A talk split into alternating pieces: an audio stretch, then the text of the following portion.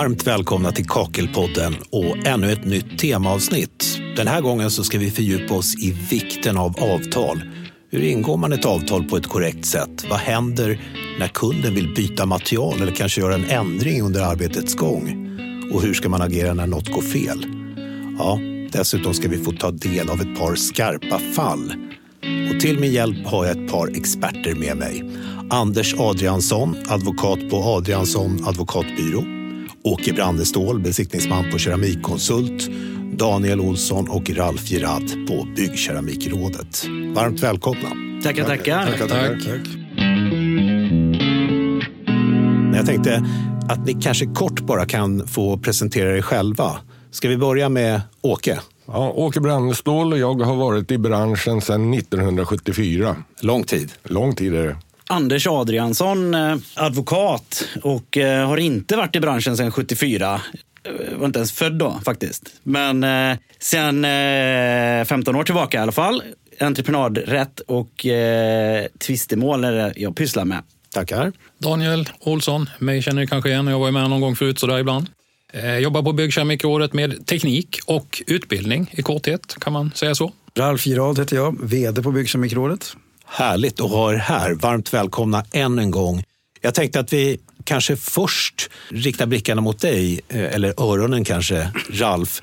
Varför är det här ett viktigt ämne, vikten av avtal att ta upp i podden? Äh, man kan säga så här, jag, först så tycker jag att det känns jättekul att vi får till det här eh, avsnittet. Eh, och det är egentligen av flera orsaker. Jag tror att i de här tiderna som vi är just nu så är det ännu viktigare att man som hantverkare verkligen förstår det här med avtal. Och man kanske missar det här lite eh, med tanke på att det är fler och fler som räknar på jobb. Man vill hellre ha ett jobb än, än att förstå vad man kanske tar på sig. Nummer två är att vi har kört det här egentligen under hela året. Jag, och och Anders åkte eh, runt eh, ja, Stockholm, Göteborg, Malmö och har haft ungefär samma presentation, det som vi ska prata om idag, på de här regionsmötena som vi har. Och efter dem eh, så kan man säga så här, det har varit sånt otroligt intresse så vi hade faktiskt uppe det på höstmötet också lite grann. Och det här är ett icke sinande ämne.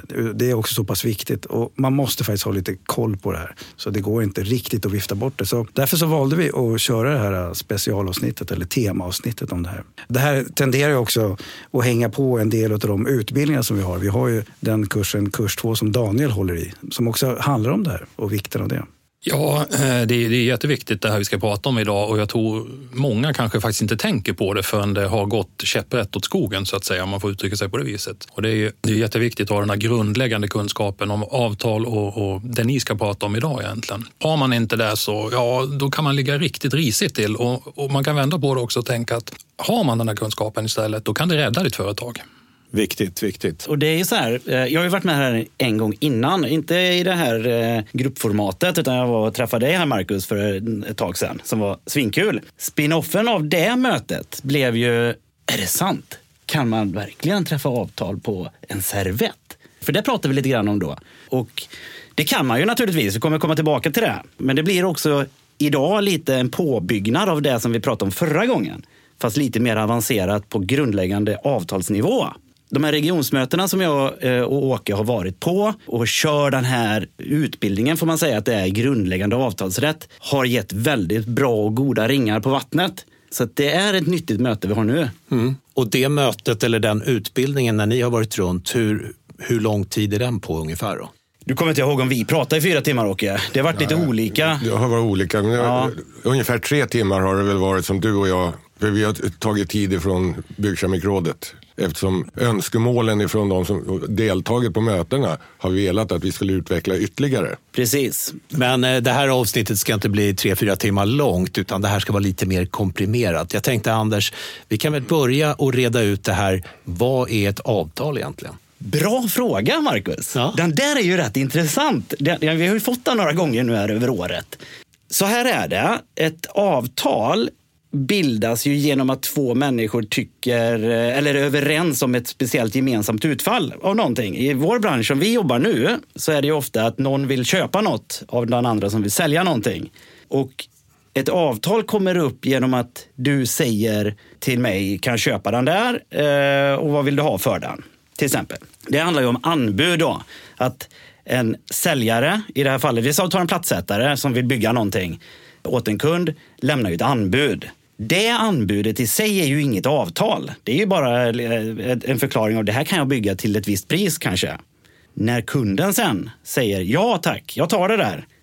Då har man skapat ett, eh, ett avtal. Det är ju klassiskt anbud accept. Och det är det här som är det viktiga. Och det är nu vi kommer tillbaka lite till vad vi pratade om förra gången vi träffades, Marcus. Ja. Då pratade vi om mycket så här noggrannhet, vikten av att vara noga, skriva ner saker på en servett eller väggen till exempel. Ja. ja, du kan skriva ett avtal på väggen, men du behöver inte skriva något alls. Muntliga avtal är ju lika bindande som ett skriftligt avtal. Det är viktigt att komma ihåg. Ett avtal finns ju inte bara för att det är skriftligt utan att man är överens. Det är viktigt. Men det är lite svårt att bevisa ett muntligt avtal, tänker jag. Eh, det behöver det inte vara, men eh, det är ju i grund och botten svårare att visa ett eh, muntligt avtal i förhållande till ett som finns på papper. Ett muntligt avtal kan, då får man ju använda sig av andra bevismedel som kanske, om Marcus var med när jag åker träffade avtalet, då kan ju du vittna om att ni var överens om det här. Ja. Men är det två personer som träffas i en källare då är det ju svårt att visa vad som faktiskt sades. Så ett anbud accept, det är det liksom grundläggande avtalsrättsliga här. Den här bilden kan vi fortsätta prata om i tre timmar. Ja. Men det är ju nu det blir lite spännande. För att när Åke sen kommer in i bilden, då blir det ju intressant. För hur gör du Åke om det inte finns några skriftliga avtal? Till att börja med så vill ju jag när jag ska besiktiga så vill jag att bägge parter är på plats vid besiktning Oftast tar inte jag på mig besiktning när det bara är en part med. För finns det inga avtal, då måste vi komma överens om utifrån vilka regler och regelverk jag ska besiktiga. Om det ska vara enligt Boverket, som är då en eh, lagstiftande församling, det ska ju alltid eh, uppfylla Boverkets krav. Men i annat fall så är det så här, ska vi utgå ifrån BBV eller har ni gjort några andra eh, muntliga avtal? Oftast kommer jag in, då är de väldigt osams. Så de vill ju nästan inte titta på varandra. Det har hänt ibland att jag fått kört iväg någon att du får inte vara kvar här, för det här är min arbetsplats just nu. Ja. Så att, ja, jag försöker komma överens då med parterna om att, vad vi ska utgå ifrån. Det är därför jag vill ha bägge parterna med. Mm. För det blir nästan omöjligt för mig annars att jag kan inte stå och hitta på själv. Nej, nej, visst. Nej, för det är väl så. Ditt arbete bygger ju på vad man är överens om ja. och, eh, och ingenting annat egentligen. Och har du inga avtalshandlingar att liksom besiktiga utifrån, då blir det ju lite spännande. Då får du ju titta på liksom, riktlinjer istället. Då. Mm. Och det här med hur man ingår avtal. Du sa att man kan skriva det på väggen och lite hur som helst muntligt och så vidare. Men vad är det bästa sättet då att ingå ett avtal? Då? Eh, det bästa sättet är att eh, skriva ett papper helt enkelt. Där du skriver att eh, det här ska vi göra och det här ska kunden betala. Och så skriver man under. Man ska skriva vilka regler man vill tillämpa om man nu vill använda sig av BBV till exempel. Då skriver man det enkelt och noga och bra så. Det är det bästa sättet att träffa avtal. Det skriftliga. Det, är liksom, eh, det går inte att komma ifrån. Jag tänker Daniel, ni har väl en del mallar för sånt också om man kanske inte riktigt har någonting upparbetat? Egentligen så, så ser jag det med min eh, begränsade kunskap i det, i det här eh, så, så, är det ju egentligen två områden man hanterar som, som hantverkare eller näringsidkare som det då heter på, på ett finare ord men vi försöker undvika att använda det för det är så krångligt. Eh, det är, det är ju arbete mot privatperson konsument, det är samma sak. Då har vi konsumenttjänstlagen som i sig kan man säga uppdelad i två delar, behöver inte gå in på här då. Men den gäller ju och den är ju liksom tvingande, det kan vi inte komma undan. Och den gäller per automatik kan man säga när du ingår avtal med konsument privatperson. Sen har vi då andra sidan och det är ju när du har en beställare som inte är en privatperson. Det kan ju vara en bostadsrättsförening, kyrkan, kommunen, staten, någonting annat helt enkelt. Då har vi ju mallar i Sverige som vi kallar för standardavtal, AB och eh, ABT.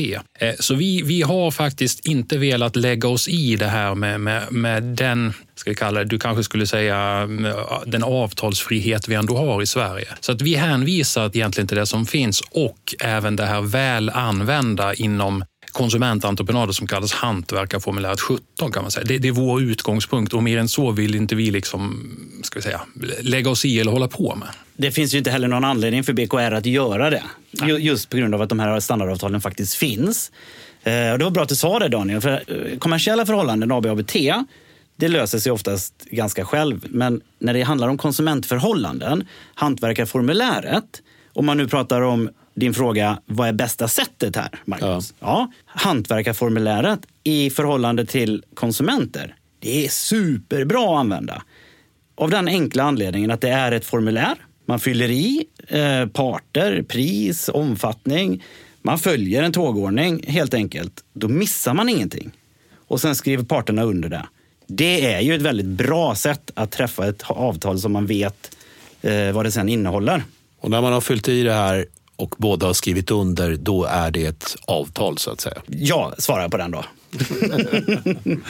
ja, men det låter bra. Okej, okay. och eh, nu finns ett avtal och eh, arbetet påbörjar. Entreprenören börjar göra det här arbetet som det är avtalat om och så händer det lite saker på vägen. Kanske blir några ändringar, några tilläggsbeställningar. Vad krävs då avtalsmässigt? Behöver man få in det i avtalet då eller? Ja, det är så här. Vi tar ändringar eller tillägg. Vi tar tilläggsbeställningar som för enkelhetens skull. Då är det så här, har du avtalat om standardreglerna för kommersiella förhållanden, AB eller ABT, eller om du har liksom använt dig av hantverkarformuläret, då, då finns det regler för hur tilläggsbeställningar ska hanteras. Men det är viktigt att komma ihåg att varje tilläggsbeställning är ett nytt avtal. Vill du ha en ändring som kund, ja men då, är ju, då begär du, ju liksom, du begär ju in ett anbud i princip från entreprenören som säger ja, jag kan fixa det till vissa liksom, eh, fasta pengar. Ofta så finns det ju ett kontrakt i botten som reglerar pengen och så vidare.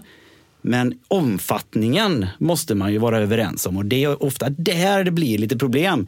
Sen när Åke kommer eh, och ska besiktiga och det har gjorts någonting som inte det finns avtal på. Då blir ju frågan, men kunden säger det där har inte jag beställt. Och entreprenören säger vi var ju visst överens om det. Och då har du en otydlighet som har lett till en tvist. För hur funkar det Åke, om du kommer och liksom ska titta på tilläggsbeställningar? Ja, finns det inget eh, skriftligt avtal eller att parterna är överens, då blir det ett fel. Och då blir det en e-anmärkning, tyvärr. Som kan vara svår att släcka många gånger. Och, och då, dessutom så ger ju det, konsum, nu pratar vi konsumententreprenader då. Det ger ju konsumenten möjlighet att innehålla pengar. Nu, nu var det flera saker här som jag inte känner att jag riktigt hängde med. ABT och sen var det någon E-märkning. Ja, E-anmärkning det, det står för att entreprenören är ansvarig för eh, felet. Sen har, finns det ju B-anmärkningar, då är det beställaren som står ansvarig för, för felet. Ah, okay. Och så finns det ytterligare o, olika benämningar man har som besiktningsman för senare utredning och så vidare. Ah, Okej, okay. så lite förkortningar? Det är förkortningar, ja. Och det här ABT, var det du som sa det Anders? Eh, ja, jag eh, pratade om det. Det gjorde Daniel också. Eh, ABABT, det är färdiga standardregler kan man säga. Det är, ett, det är ett häfte, eller det är två olika häften. AB, det är allmänna bestämmelser för en utförande entreprenad. Ja. Det vill säga att någon kommer med en färdigprojekterad entreprenad till dig. Bygg detta bara. Och så gör du, du är händer och fötter kan man säga. Sen har du ABT som är allmänna bestämmelser för totalentreprenad. Då tar du på dig ett projekteringsansvar för att se till så att det blir en härlig och fin produkt i slutändan med en funktion. Okay. Det är eh, skillnaden. Och det där är, det där är ju regler som är framtagna att utgöra avtalsvillkor. Så att eh, de bär, det är ju inget annat än liksom avtalsvillkor. Så man slänger in dem i, i sitt avtal så blir det en del av avtalet. Okay. Mm. Och då, för att tillägga då, hantverkarformuläret, det är ju samma sak fast på konsumentsidan.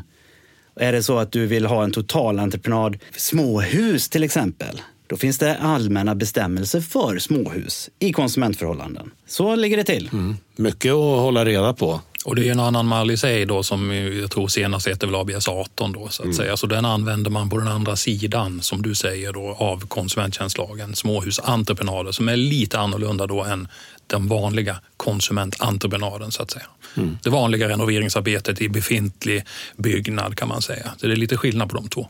Ja. Okay. Får jag lägga till en sak här Marcus? Ja. Den är bra att du säger eh, Daniel, för att vikten av att förstå sitt innehåll, eller sitt avtalsinnehåll har vi pratat om. Det var väl det vi är här idag för, eller hur? Mm. På mitt bord så landar det tyvärr lite för ofta vanliga renoveringsentreprenader med ett ABS 18-kontrakt. Ja, men hur farligt är det då? Frågar ju du. Ja. Det ser jag ju på dig. Så jävla onödigt. Ja, det är faktiskt sant. Det är ju jät- jätteonödigt. Ja, ja, det är onödigt. För vad händer då? Hörde jag dig säga här nu, Marcus. Jo, då är det så här nämligen. En småhusentreprenad är när du liksom åt någon annan utökar en byggnadsvolym till exempel. Och då, hux flux, då är det ingen renoveringsentreprenad längre. Och det du har gjort då, det är att du har öppnat fönstret till en helt annan värld i eh, ansvar då som entreprenör.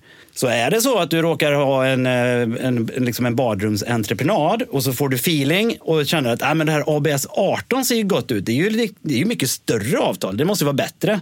Och sen låter du det vara avtalstillhörigt. Ja, men det händer ju. ja, men det är faktiskt inte ovanligt. Eller att kunden själv kommer med det avtalet. För så är det också ibland. Ja, men titta, jag hittade det här på internet.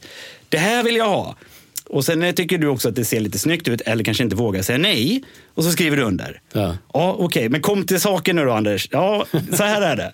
När du öppnar fönstret, då öppnar du också ansvarsreglerna som har med småhusentreprenad att göra som innebär att det kunden säger om avtalets innehåll gäller till dess att du visar motsatsen. Okej. Det är ju helt rubbat i en liten, liten entreprenad.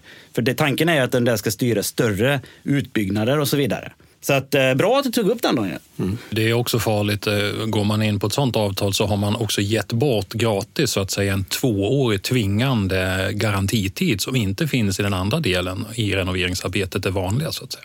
Också en bra grej att tänka på. Mycket bra. Eh, vi var ju, innan vi kom tillbaka till det här så var vi ju inne på det här om någonting går fel. Finns det mer att prata om där? Det finns ju mycket som helst att prata om. Ja. Det finns jättemycket att prata om vad som kan gå fel. Exempelvis om vi pratar om renoveringsarbeten och så ska man då byta golvbrunnar och så vill då boende flytta sin duschplats till en annan plats i utrymmet. Och så visar det sig att det går inte att placera golvbrunnen på ett korrekt sätt enligt brunnstillverkarens anvisningar. Och så kommer golvbrunnen då lite för nära väggen i förhållande till vad golvbrunnstillverkaren säger.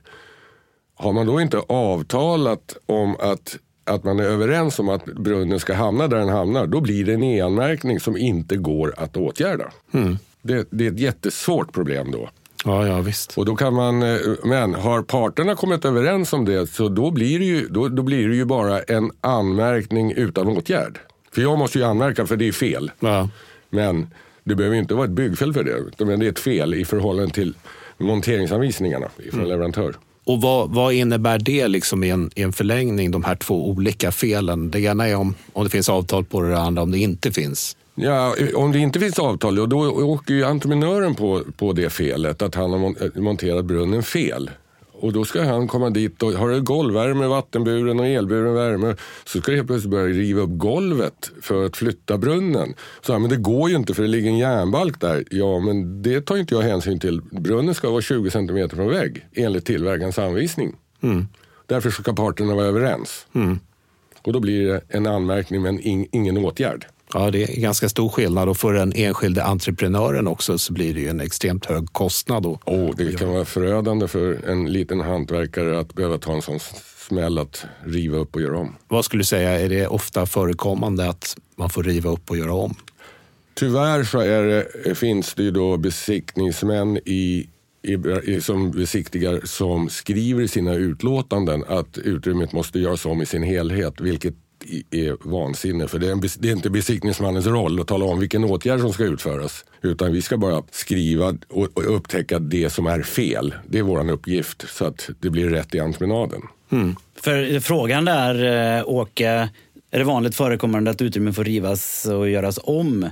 Det är inte riktigt din uppgift att bedöma, eller hur? Nej, Utan nej. du påpekar fel Ja. och sen eh, Och i- kan du uttrycka allvarligheten i dem. För nu blir det ju lite intressant, för jag är ju bara advokat och inte tekniker. Utan jag förlitar mig på till exempel Åkes uppgifter. Det är det som sen ligger till grund för en process.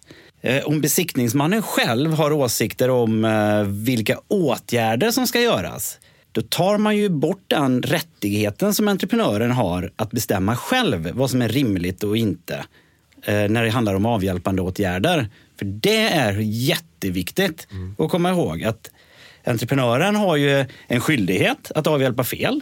men också en rättighet att bestämma hur man ska göra för att nå ett fackmässigt resultat. Den är, det är rätt viktig. Sen är det viktigt som besiktningsman att man ska vara väldigt försiktig med att icke godkänna en entreprenad. För om jag nu inte godkänner det här utrymmet som är utfört, då får inte kunden använda utrymmet för då är det fortfarande en pågående entreprenad. Mm. Så det är också att tänka på för alla att om inte du som entreprenör säger att det är klart du får använda det här utrymmet till, till jag har tid att komma och åtgärda felen. Då får du ju använda det. För då är det en överenskommelse, ett avtal. Mm. Men har man inte kommit överens om det, nej då får inte, då får inte eller beställaren får inte använda utrymmet. Mm. Din fråga igen, som är ganska, den är ganska bra. Så här, hur ofta är det så att man måste riva och göra om? För fel ska ju avhjälpas. Men det är också viktigt att man förstår, både som entreprenör och beställare och besiktningsman då, att ett avhjälpande ska ju stå i proportion till felets betydelse. Bara för att det är ett fel i Åkes protokoll, ja det är eh, något fel, vilket som helst, och så kostar det en miljon att avhjälpa i ett badrum som kostade 200 000 att bygga. Det står ju inte i proportion till felets betydelse om det inte är så att det är ett fel som kan innebära eh, vattenskador och sånt. Det är ju en helt annan sak. Men eh, ett avhjälpande måste alltid stå i proportion till felets betydelse. Okay. Och då ställer ju du frågan, ja men okej, bra Anders, intressant. Men vad händer om, om eh, Åke säger att ja, men det här är ett fel som inte behöver avhjälpas? Vi säger så. För det, ja. Mm. ja. Är det bra då? Eh, ska kunden vara nöjd och eh, entreprenören åka hem med fickorna fulla med cash? Nej, det är inte riktigt så. För att istället så kompenseras kunden med ett prisavdrag. Men det är inte samma sak som att man måste avhjälpa felet. Men det här kan kund och eh, entreprenör göra upp om själva, eller? Självklart. Eller brukar du bli involverad i såna här ärenden?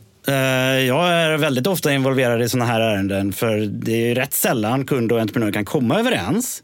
Eh, men skulle de göra det, vad har vi då? Ja, exakt, du har ju ett avtal. Så att då är det ju, liksom, har de träffat ett avtal om en uppgörelse helt enkelt. Inga konstigheter i sig. Men tvisterna, jag är ju liksom en tvistemålsadvokat. Det är ju per definition så att jag blir ju inte inblandad om alla är glada. Utan eh, då är det ju någon form av bråk i, i grund och botten. Och då är ju det här en del av det, att nå en lösning till exempel. Allting behöver ju inte avgöras i domstol. Allting behöver inte avgöras genom en rättegång om man får säga så. Det mesta kanske redan löses innan man har kommit så långt som till en rättegång. Ja, så är det. Så är det definitivt. Jag skulle jättegärna vilja höra några skarpa case, någonting som ni har varit med om. Någonting, när vi pratar om avtal så gäller det ju också vikten av att man gör avtal med rätt person. En person som har rätt att göra avtal. Exempelvis den som står för lagfarten på fastigheten. Eller om man nu har professionellt byggande så ska man ju veta att den som beställer jobb av mig, extrajobb och så vidare av mig, har rätt att göra det. För det finns en viss hierarki i bygg, byggvärlden. Alltså platschefen får ju beställa jobb. Mm. Men det är inte säkert att pinnpojken får göra det. Nej. Eh, och jag har ett fall där jag råkade ut för att mannen i huset beställde att, jag skulle sätta, eller att vi skulle montera plattor i en bassäng. Okay. En, en swimmingpool, då, utomhusbassäng. Vi åker dit och kommer överens om att vi skrev ingenting, utan det var bara muntligt. Att ja, är klart, vi sätter dit och du ska ha de här plattorna. Och så var vi helt överens. Och sen åker, vi, åker jag dit med mina gubbar och så sätter vi igång och så monterar vi plattorna i den där bassängen. Och allt är jättefint och han är jätteglad. Och så skickar jag fakturan och säger nej den tänkte inte jag betala, det är min fru som äger huset. Och så går jag på henne, jaha ska jag skriva fakturan på dig? Nej, jag har inte beställt jobbet, säger hon. Ja. Så jag fick inte betalt för den bassängen. Ja, det känns ju riktigt tufft det där. Hur, hur mycket tid la ni på den här bassängen? Ja, det blev ju en, en, en vecka på tre gubbar. Plus material blev jag med. Ja, ja. Men efter det så... Blir det avtal, alltid avtal. I andra fall så ska man inte ta dit verktygslådan. Nej. Just det här med att personen är skriven på adressen. Är det sånt som man måste tänka på? Som, ja, du måste ju veta vem det är som har rätt att skriva ett avtal gällande det du ska göra. Mm. Så, så, gäller det ju med allt, med allt du gör. Du kan inte, jag kan inte ta min mobil och lämna in på service på mobilverkstaden och så säga att du ska betala. Det nej. funkar inte så. Nej, nej, visst. Ett litet tillägg där bara. Att det går alldeles utmärkt att äh, träffa avtal rörande arbeten på annans mark. Det går superbra. Men du behöver vara säker på att du får göra jobben på just den marken. Det går bra. Jag kan ju söka bygglov på din eh, tomt, Marcus. Det går ju bra. Men det är inte helt säkert att du tycker att det är okej okay att jag bygger där sen.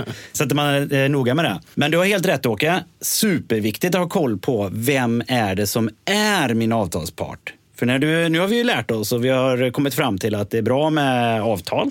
De är som regel bäst om de är skriftliga, för då är det ganska tydligt vad som gäller.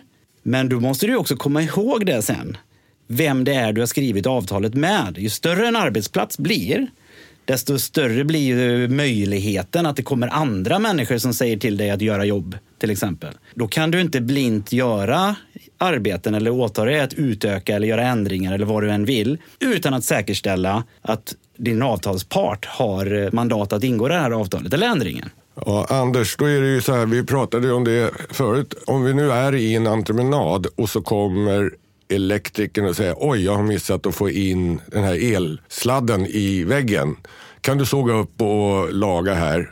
Ska kunden betala det eller är det elektrikern som ska betala? Har han rätt att komma in och göra en extra beställning? Exakt, för det där är ju ett, eh, ett ganska bra exempel skulle jag våga påstå. Där eh, plattsättaren är klar. Elektrikern har missat att lägga in slangar. Elektrikern ber dig att öppna upp väggen. Det kommer ju inte kunden betala för. Så du i det läget behöver ju reflektera över vem är det som är min avtalspart? Är det elektrikern? Nej, förmodligen inte. Utan det är eh, i det här fallet då konsumenten. Då får man ju se till, dels så måste ju liksom, eh, konsumenten behöver ju varslas om att det kommer att göras åtgärder i det här badrummet på annat sätt. Och sen så får ju elektrikern beställa åtgärder av dig och betala för dem om det nu behövs. Mm. Får jag, får jag, slänga in en fråga där till dig som kan det här alltså, som advokat? Spelar avtalsformen någon roll här? Alltså det vi kallar för om jag nu är plattsättare och har total entreprenad, alltså jag fixar allt åt min kund. Eh, rörläggeri, målning, alltså rubbet, snickeri, allt. Spelar det någon roll så att säga, om jag har en total entreprenad här och, och, den här så att säga, elektrikern är min underentreprenör. Eller om vi har en, som man säger, delad entreprenad, att kunden faktiskt så att säga har träffat separata avtal med mig som platssättare, ett separat avtal med snickaren, ett separat avtal med, med elektrikern. Spelar avtalsformen någon roll här eller är det samma förfarande som du beskrev nyss som gäller oavsett när den här situationen uppstår? Eh, svaret på första frågan är ja och eh, eh, svaret på andra frågan är nej. Det spelar definitivt roll. Eftersom eh, har du totalentreprenadansvaret, ja men då står ju du ansvaret för eventuella fel i det här badrummet och då är det ju du som får se till att det blir rätt. Sen har ju du ett, liksom ett krav mot den underentreprenören. Exemplet som vi pratade om här, det var bra att du tog upp det här Daniel, för exemplet som vi pratade om, där var det ju just att det var en liksom delad entreprenad, olika parter inblandade. Beställaren själv roddar och samordnar. Så ja, eh, det spelar roll.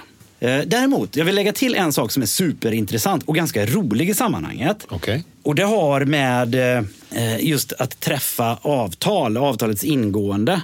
Det är inte helt ovanligt nämligen att du eh, träffar avtal genom att svara på sms med spännande emojis till exempel. Okay. Det är ju inte att föredra att träffa avtal på det sättet. För du öppnar ju upp naturligtvis för en tolkningsfråga. Vad betyder emojin? Ja, ja. Det är exempelvis om du Eh, entreprenören säger, ska jag bygga in badkaret? Det kostar 10 000 extra, säger vi. Inte vet jag. Ja. Eh, och så svarar du med en tumme upp. Den eh, tummen skulle jag kunna ta, eh, tänka mig betyder, ja men det går bra, kör på det, 10 000 cash. Okay. Ja, ja, Bra! Fan vad gott det ska bli med inbyggt badkar. Ja. Eh, men istället så är det, du skickar den här frågan på fredag eftermiddag kväll. På måndag tänker jag att jag bygger in badkaret. Det kostar 10 000 extra. Vad säger du om det? Då får du tillbaka två dansande tjejer och en champagneflaska som poppas. Vad betyder det? Du tolkar det som att ah, men gott, ja, på måndag ska jag bygga in badkaret. Ja. Och så gör du det. Och så kommer Åke dit och säger att ja, men du, eh, det här badkaret är ju inbyggt. Och kunden säger ja, jag fattar ingenting. Jag, jag förstår inte heller varför det är inbyggt. Entreprenören säger då självklart, men vadå? Du svarar ju att det var en jättebra idé. Det gjorde jag inte alls. Jag svarade med två tjejer och en champagneflaska. Och ja. Det betyder väl inte jättebra idé. Det är viktigt att tänka på. Att eh, även om, alltså får du svar från kunder där du liksom inte riktigt förstår innebörden, då måste du ställa en kompletterande fråga. Så enkelt som att du svarar på sms, bara så att jag förstår rätt. Ska jag bygga, jag bygger in badkaret va? Eller så. då är, det, då är det klart. Men två tjejer och en champagneflaska säger egentligen inte så mycket. Okej, okay. så om det skulle bli rättegång av en sån fråga, då ligger man lite risigt till som entreprenör? Då? Eh, kan göra. Det är inte säkert heller, för det där är taget från verkligheten. Eh, just tolkningen av emojis. Det beror på samman, eh, eller omständigheterna i varje enskilt fall. Alltså två tjejer och champagnekork kan ju betyda kör på det.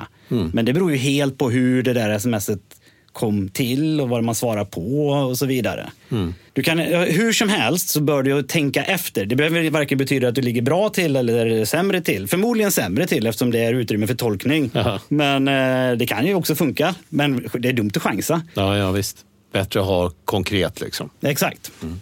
Hade vi något eh, mer case som ni ville lyfta? Det händer ju ibland när jag kommer och ska besiktiga och så har parterna kommit överens om att, de, att det är storformatsplattor och vi ska ha plana golv, bara lokalt fall. Okay. Och så kommer jag dit och så finns det ingenting skrivet kring det överhuvudtaget att de är överens. Och sen har ju då, eftersom jag är inkallad, då är de ju inte så jättebra kompisar längre. Ja. Och, då vill ju oftast beställaren också undvika att betala. Det är oftast det det handlar om. Ja. Och så finns det inget avtalat kring det. Då betraktar jag det som ett fel. Och då blir det en e-anmärkning. Mm. Och vilket gör då att beställaren kan innehålla medel för eventuellt vad kostnaden blir för att åtgärda det felet. okay. Egentligen är det väl så här, Åke, att eh, du vet ju inte vad som har avtalats. Nej. Du vet ju bara hur det ser ut när du kommer dit. Kunden säger en sak, entreprenören en annan sak. Men det, för det har vi ju redan pratat om nu, att avtalet finns nog någonstans. Men det är i muntlig form. För att i det fallet, då var det ju så här att det fanns ett utförande på liksom projekterat ska se ut på ett visst sätt. Under tiden så beställer eh, beställaren planagolv. Entreprenören bara kör. Han struntar i att eh, liksom bokföra ändringen och sådär. I det här fallet så var ju, var ju BBV avtalat och BBV tillåter ju att man får göra planagolv om man avtalar det. Men har du inte avtalat det, då betraktas det som ett fel, en e-anmärkning. Mm. Men hade de avtalat, då vi är inne på det här med avtal, Nej. hade de avtalat det på ett korrekt sätt så att entreprenören kunde styrka att vi var överens om att du ville ha plana golv för att det inte skulle bli så hög instegshöjd i utrymmet. För det hade blivit det om vi hade haft den här lutningen. Hade det funnits avtalat, ja då är, då är matchen hemma. Då blir det ingen anmärkning. Ja.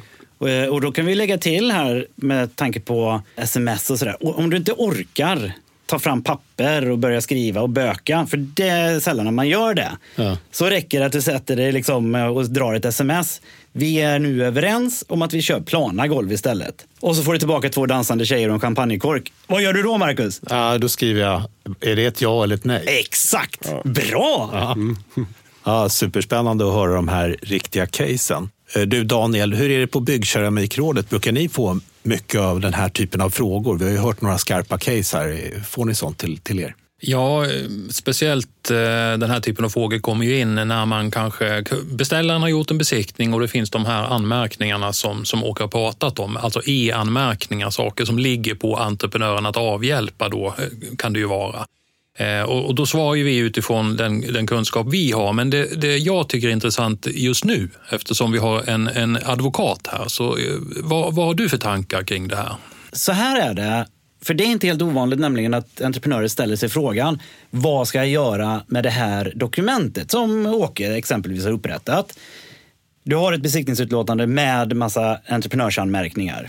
Du ska ju, är du i branschen så förstår du ju säkert redan att du behöver avhjälpa fel som är ditt ansvar. Det följer ju av att du träffar avtalet. Eh, så långt, inga problem. Jag får en känsla av när personer eller när entreprenörer kontaktar mig så är det ofta när det blir svårt. Antingen så har konsumenten, om vi tar ett konsumententreprenad till exempel. Antingen så har en konsument orimliga förväntningar av ditt arbete. Och, och entreprenören ställer sig frågan till hur ska jag hantera en sån situation där konsumenten bara kräver, kräver, kräver av mig och jag kan inte, jag kan liksom aldrig tillmötesgå de kraven. Det är det ena. Och det andra är att, som vi pratade om innan, om felen som är upptagna i utlåtandet enligt entreprenörens syn att se på det är av mindre betydelse. Men beställaren kräver ändå ett avhjälpande. Eller kanske eh, du kanske bara är osäker på, ska jag verkligen avhjälpa detta? Det är ju frågor som varje dag kommer upp på entreprenörers bord. Då ringer man eh, BKR har jag förstått. Men man ringer ju också mig naturligtvis och ställer frågan hur ska jag göra? Eh, för man måste hantera det. Du kan aldrig stoppa huvudet i sanden för ansvaret ligger ju där. Och då kommer vi in på det här med proportionalitet. Är det, är det ett fel som behöver avhjälpas eller kan man lösa det med ett prisavdrag? Hur allvarligt är det och så vidare. Det är viktiga frågor som, som man måste hantera. Jag fattar att de eh, kommer in till er för att de är eh, och som regel ganska tuffa. Är det mindre entreprenader, mindre pengar, större entreprenader kan vi vara jättestora pengar det handlar om. Ja, ja, visst. Så du blir inkopplad nästan alltid skulle du säga när man får ett besiktningsprotokoll med åtgärder som ska, som ska fixas? eller? Nej, inte alls. Eh, ofta, alltså, de flesta gånger så löser ju entreprenören det själv. För det är eh, vardag. Har du gjort en entreprenad och det finns ett, en e-anmärkning i eh, ett protokoll så vet du ju som regel vad du ska göra med det. Det är väl snarare när det blir allvarliga fel eller konsekvensen av felet blir stora. Det är då jag blir kontaktad. Mm. Hur ska jag hantera detta? Jag har byggt ett badrum för 300 000. Nu finns det e-anmärkningar som kommer generera en avhjälpande kostnad på 600 000. Vad gör jag nu? Mm. Jag tänker på det här som du var med om, Åke, eh, med den här poolen. Mm. Kontaktade du en advokat efter det här eller förstod du att det var lönlöst eftersom du inte hade avtal? Jag förstod att det var lönlöst, att jag inte skulle komma någon vart. Så att, eh, jag fick bita det sura äpplet. Ja.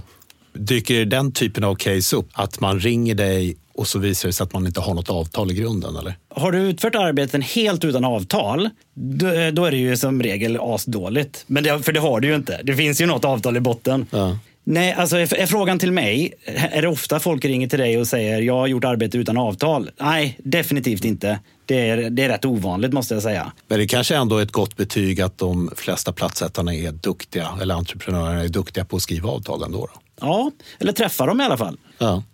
Men det finns hela tiden saker att förbättra kanske? Absolut. För det som är den stora delen eh, när det gäller liksom arbete utan avtal, det var det vi pratade om innan, att du tar beställningar av någon som inte är behörig att liksom lämna beställningar. Eller ta, eller så. Mm. Problematiken är ju inte att eh, entreprenören inte skapar ett avtal. Ett grundavtal brukar de ju ofta skapa. Det gör de ju då via sin, eh, sitt anbud och så blir det en accept på anbudet. Det stora problemet är sen när det blir ändringar. Mm. eller tilläggsarbeten. Då skriver man, utan då står man på plats och kommer överens om, ja, vi gör så här och så här, ja. Och sen så blir det det blir jättebra. Mm. Och så kommer jag dit så finns det ingenting skrivet om det. Och som sagt när jag kommer då är de redan osams. Ja. Och då måste jag gå på vad är det som är skrivet. Det är inte skrivet så här. Mm. Och då är det jag utgår från. Och då blir det ju också, för det är så här, där du ställde frågan Marcus, om är det vanligt att folk kommer utan avtal? Alltså, det är det ju inte. Alltså, det, det, är ju, det är ju inte vanligt att folk kommer och säger, jag gjorde arbete på den här tomten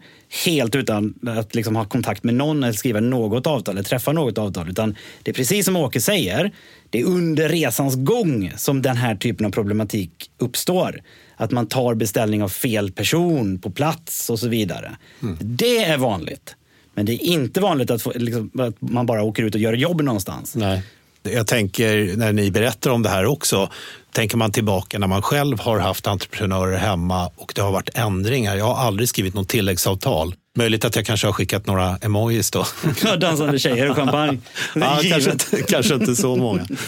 Okej, okay. Eh, det här har varit ett jätteintressant samtal, men jag tänker att vi har pratat om mycket olika saker, lite skarpa case och så vidare. Om man liksom ska sammanfatta det här vi har pratat om, vad skulle ni säga är det viktigaste för plattsättare att ta med sig och hålla koll på när det gäller vikten av avtal? Det är eh, definitivt ordning och reda. Det är eh, nyckeln till allt, skulle jag våga påstå. Var tuff och håll fast vid principen att du vill ha bekräftelser på saker som eh, ändringar, tillägg och så vidare. Kör inte på känslan, ja, jag hoppas det löser sig nog, kunden är så skön.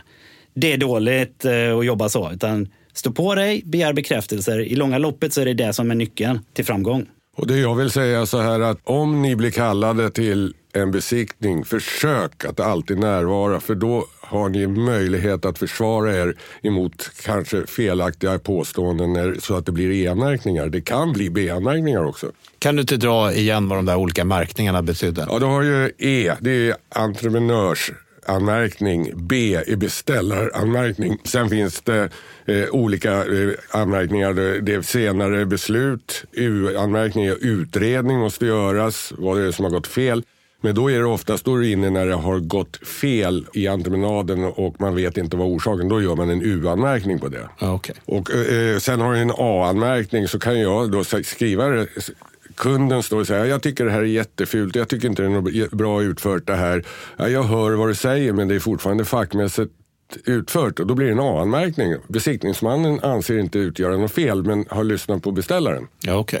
Mm. Så det, det finns olika sådana. Olika bokstavskombinationer.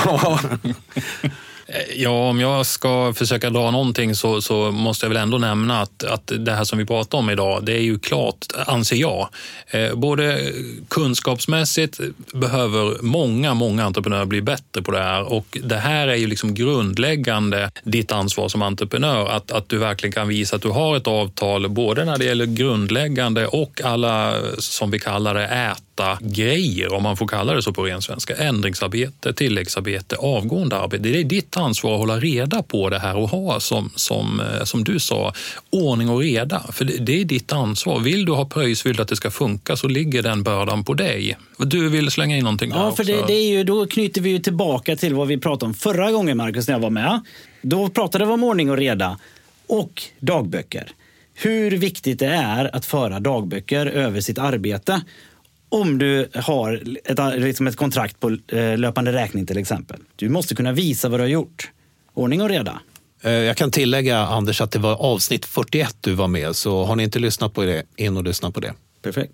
Nej, men, eh, jag säger som jag inledde med, det här är så pass intressant ämne och så pass viktigt ämne. Och jag vill bara avsluta med att eh, jag hoppas att ni som lyssnar någonstans har väckt lite intresse om ni inte redan hade eller förstår vikten av det här, hur pass viktigt det är. Eh, och sen vill jag avslutningsvis så kan jag bara säga så att de, här, de här ämnena och de här grabbarna är ju med på regionsmötena och har varit så. Så att, eh, kom på regionsmötena, det är där vi tar upp alla sådana här frågor. Och som vanligt, har ni någon fråga som vi ska lyfta till nästa eller som berör det här så skicka in det till oss. Info at bkr.se. Precis. Stort tack för er medverkan, Anders Adriansson, Åke Brannestål, Daniel Olsson och Ralf Gerard. Tack, tack så mycket. Tack, tackar, tackar. Och jag som sitter bakom den här mikrofonen, jag heter Marcus Trautman.